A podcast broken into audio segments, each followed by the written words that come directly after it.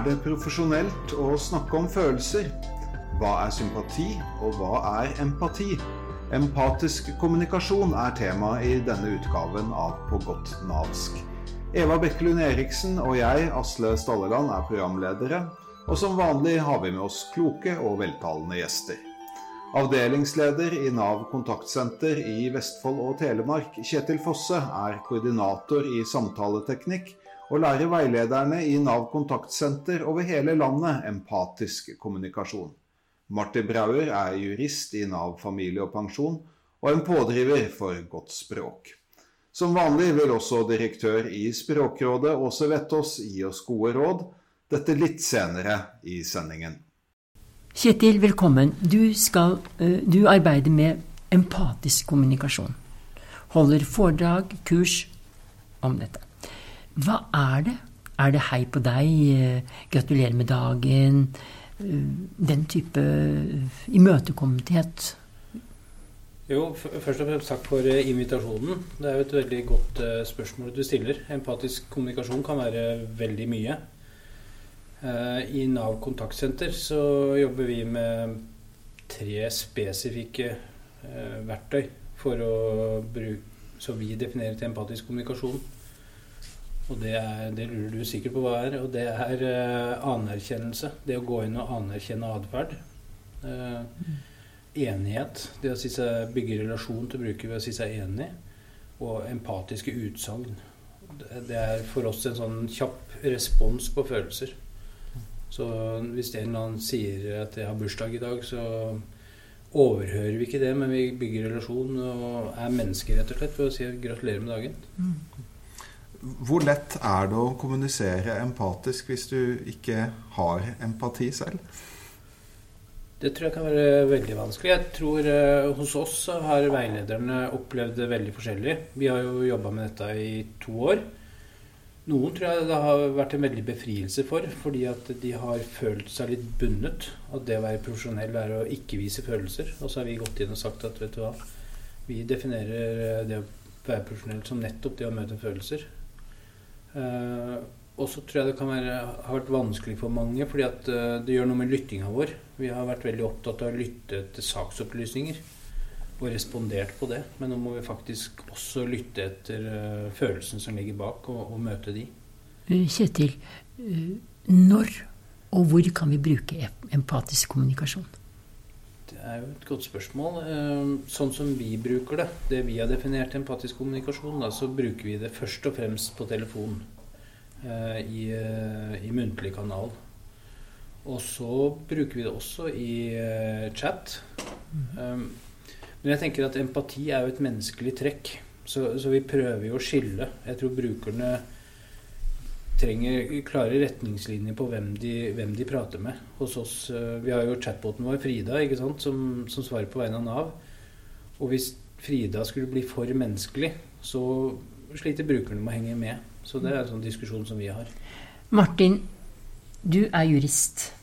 Yes. Når du hører Kjetil her snakke om empatisk kommunikasjon, hvordan kan den omsettes i og brukes i, i F.eks.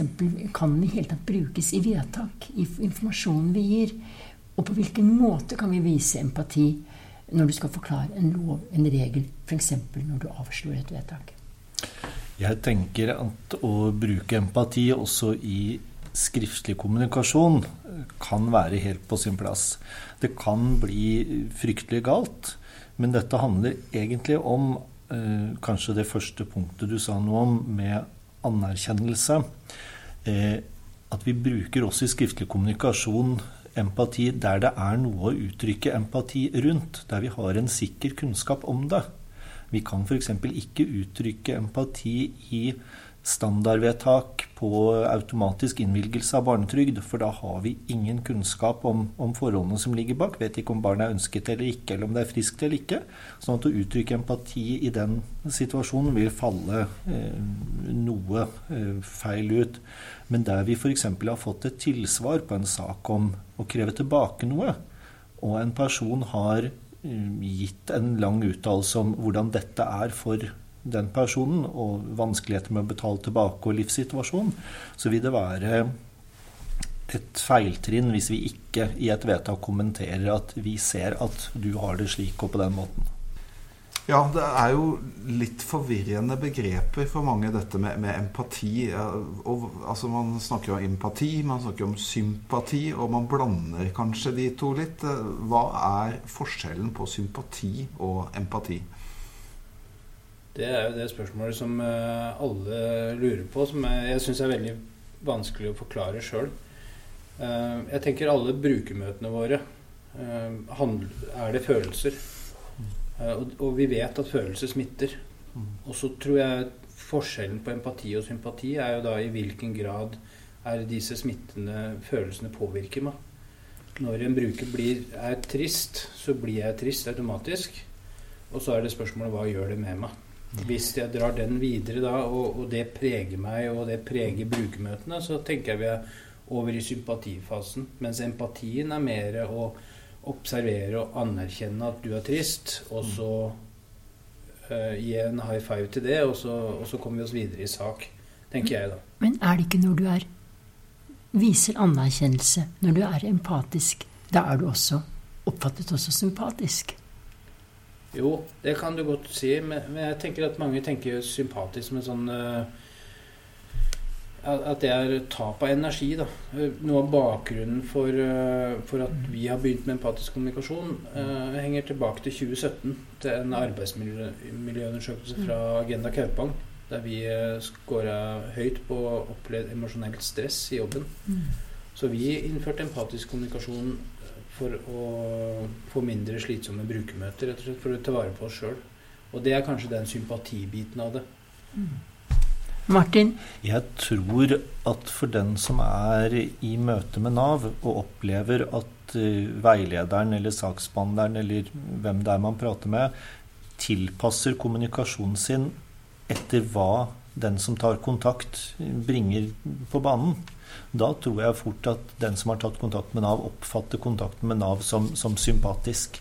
Den tilpasningen av kommunikasjon, at man f.eks. ikke som saksbehandler eh, kun kjører på at her er det en frist, her er det en frist, men at man klarer å si jeg ser at det kan være vanskelig for deg å holde fristen. Da tror jeg at det er et uttrykk for empati, men samtidig at det vil opp, bli oppfatta som at man har å gjøre med et sympatisk menneske. Kjetil, du har en mening om dette? Ja, det syns jeg var eh, meget eh, klokt sagt. Jeg tror det er viktigere at eh, diskusjonen her går på det å møte følelser og det å se mennesket, enn hva som er sympati og hva som er empati. For jeg tror Tidligere så har vi kanskje i stor grad Da følelsen har vært der, men vi har bare stukket hodet i sanda og lata som de ikke har vært der. Og så er det forkludra brukermøtene, og så føler man seg ikke sett og hørt.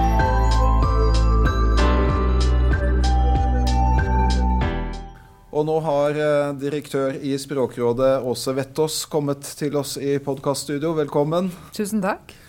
Vi hører her at, altså at, Nav kontaktsenter bruker empatisk kommunikasjon som en muntlig metode. Men kan vi være empatiske når vi skriver fra Nav også? Det kan en absolutt være, og det vil jeg jo anbefale på det sterkeste eh, når det er kommunikasjon som dreier seg i så stor grad om folks helse, folks levevilkår osv. Da skal en da skal en ha profesjonell empati òg når en uttrykker seg i skrift. Ja, og når vi uttrykker oss i skrift, er det jo av og til litt tøffe beskjeder. At, at folk får avslag på en ytelse som ville betydd mye for dem og fått, f.eks. Hvordan kan vi skriftlig være empatiske når vi skriver noe som folk ikke syns det er hyggelig å lese budskapet av. Ja. Det er jo viktig å eh, anerkjenne brukeren og føre et klart og eh, tydelig språk som ikke snakker nedover, men som rett og slett anerkjenne brukeren og brukeren sin situasjon. Ikke bruke ironi eller veldig sånn argumenterende teksttype. Holde seg unna alt som ligner på capslock eller eller, eller veldig sånn følelsesmessig betonte uttrykk. Tenk alltid på hvem det er eh, du skriver for. Se for deg brevmottakeren se for deg situasjonen vedkommende står i, og forutsetningene han eller hun har for å forstå og ta til seg det budskapet som du ønsker å, å sende.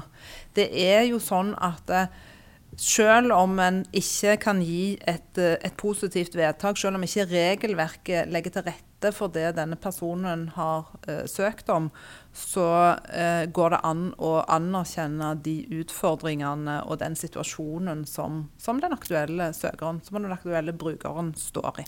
Mm. Er det noen konkrete tips om hva den som skriver et sånt brev, bør sjekke før, uh, før man sender det? Ja, Eh, først og fremst så er det dette med et klart og brukertilpassa språk, som da ikke er eh, veldig sterkt eh, eh argumenterende. Nøkternt og saklig. Og husk òg at eh, for mye informasjon, det kan virke krenkende. Altså at en føler seg eh, snakket til ovenfra og ned. For lite informasjon kan gjøre at en føler seg oversett og utenfor. Så en skal alltid tenke nøye på at en gir rett mengde informasjon og på rett måte. Vær relevante og signaliser. Vi ser hva du spør om. Vi svarer det du trenger å vite. Mm. Og så er det vel ikke bare hva vi skriver når vi skriver det, kan også ha litt å si. Absolutt. Og det kan virke ufølsomt og uskjønnsomt hvis det er sånn at en bruker da får melding om et uh, vedtak fra Nav eh, i innboksen sin klokka ja, ettermiddag på, på lørdag, f.eks. Altså at, uh, at en får en beskjed på et tidspunkt der det er helt umulig å få tak i eh, enten behandler eller, uh, eller andre for relevante oppfølging. Noen ganger så er en jo nødt til å gi beskjeder som, selv om de er nøkterne i form, kan ha et innhold som oppleves brutalt. Og da kan det være ekstra brutalt å få det midt i helga eller sent på fredagskveld. Viktig påminnelse der. Hva vi skriver, men også når vi skriver det. Tusen takk, eh, Åse Vetås i Språkrådet.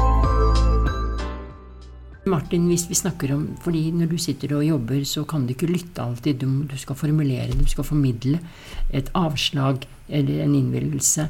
Eh, hvilke avtrykk er det du skal sette da for å virke empatisk?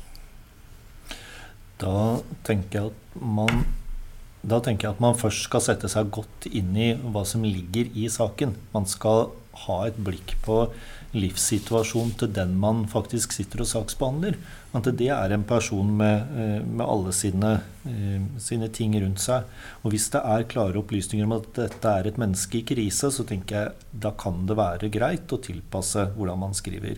At man tenker på ordbruken, man tenker på hvilke frister man setter, og at man tenker på hvordan man eh, spesielt bearbeider et faktum i en sak. At man eh, ikke, ikke, nødvendigvis skriver at eh, barnet døde, men at man kan skrive at da sønnen din døde. Liksom. At man formulerer det sånn at man tilkjennegir at man faktisk er et menneske som saksbehandler. Kjetil?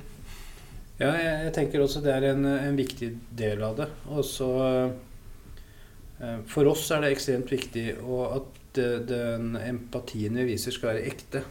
Eh, og så er det sånn at eh, kommunikasjonsavdelingen hos oss i NKS de jobber også med empatisk kommunikasjon uten at de er i brukermøtene. Men de jobber mye mer målbildeorientert, som jeg opplever du beskriver det som. Da, der man prøver å forutse hva slags følelser er som kommer. For, for, oss så er dette en balansegang. Vi kan ikke uttrykke eh, empati eller si noe der vi f.eks. har fått melding om et dødsfall eller om en sykdom, og så vet vi ingenting mer. Der har vi erfaring med at vi har forsøkt oss på eh, på uttalelser og skrive noe rundt at vi kondolerer og vi er lei oss og, og, vi ser at dette er svært vanskelig. Og så har vi fått tilbakemeldinger på at uh, dette har dere rett og slett ingenting med, og dette vet dere egentlig ingenting om. Så det er først, det er en sånn balansegang at vi må vite noe om situasjonen. Det må være et grunnlag. Uh, vi må ikke gå i en sånn felle at vi uttrykker Eller at vi uttrykker oss empatisk bare for å uttrykke empati. Det må jo være med tanke på at det er et menneske i andre enden. Nå må vi nesten avslutte med denne utfordringen, for nå hører vi søppelbilen i bakgrunnen, og det er en fast spalte hos oss her i podkasten at dere får hive et gammelnavsk uttrykk i, i søppelbøtta. Og Kjetil, du har fått utfordringen denne gangen.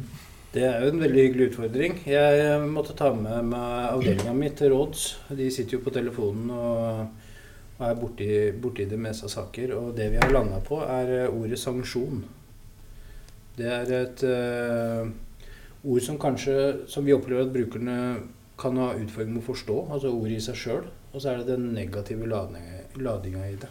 Her kan det hende at juristen løper litt etter søppelbilen og har litt lyst til å, å, å nappe det ordet ut og bruke det litt sånn uh, med omhu, men tidvis. Men, men, men, la gå. La søppelbilen kjøre for denne gang. Jeg, jeg frykta den kom, men uh... Ok, da har vi for første gang i podkasten at en av gjestene løper etter søppelbilen.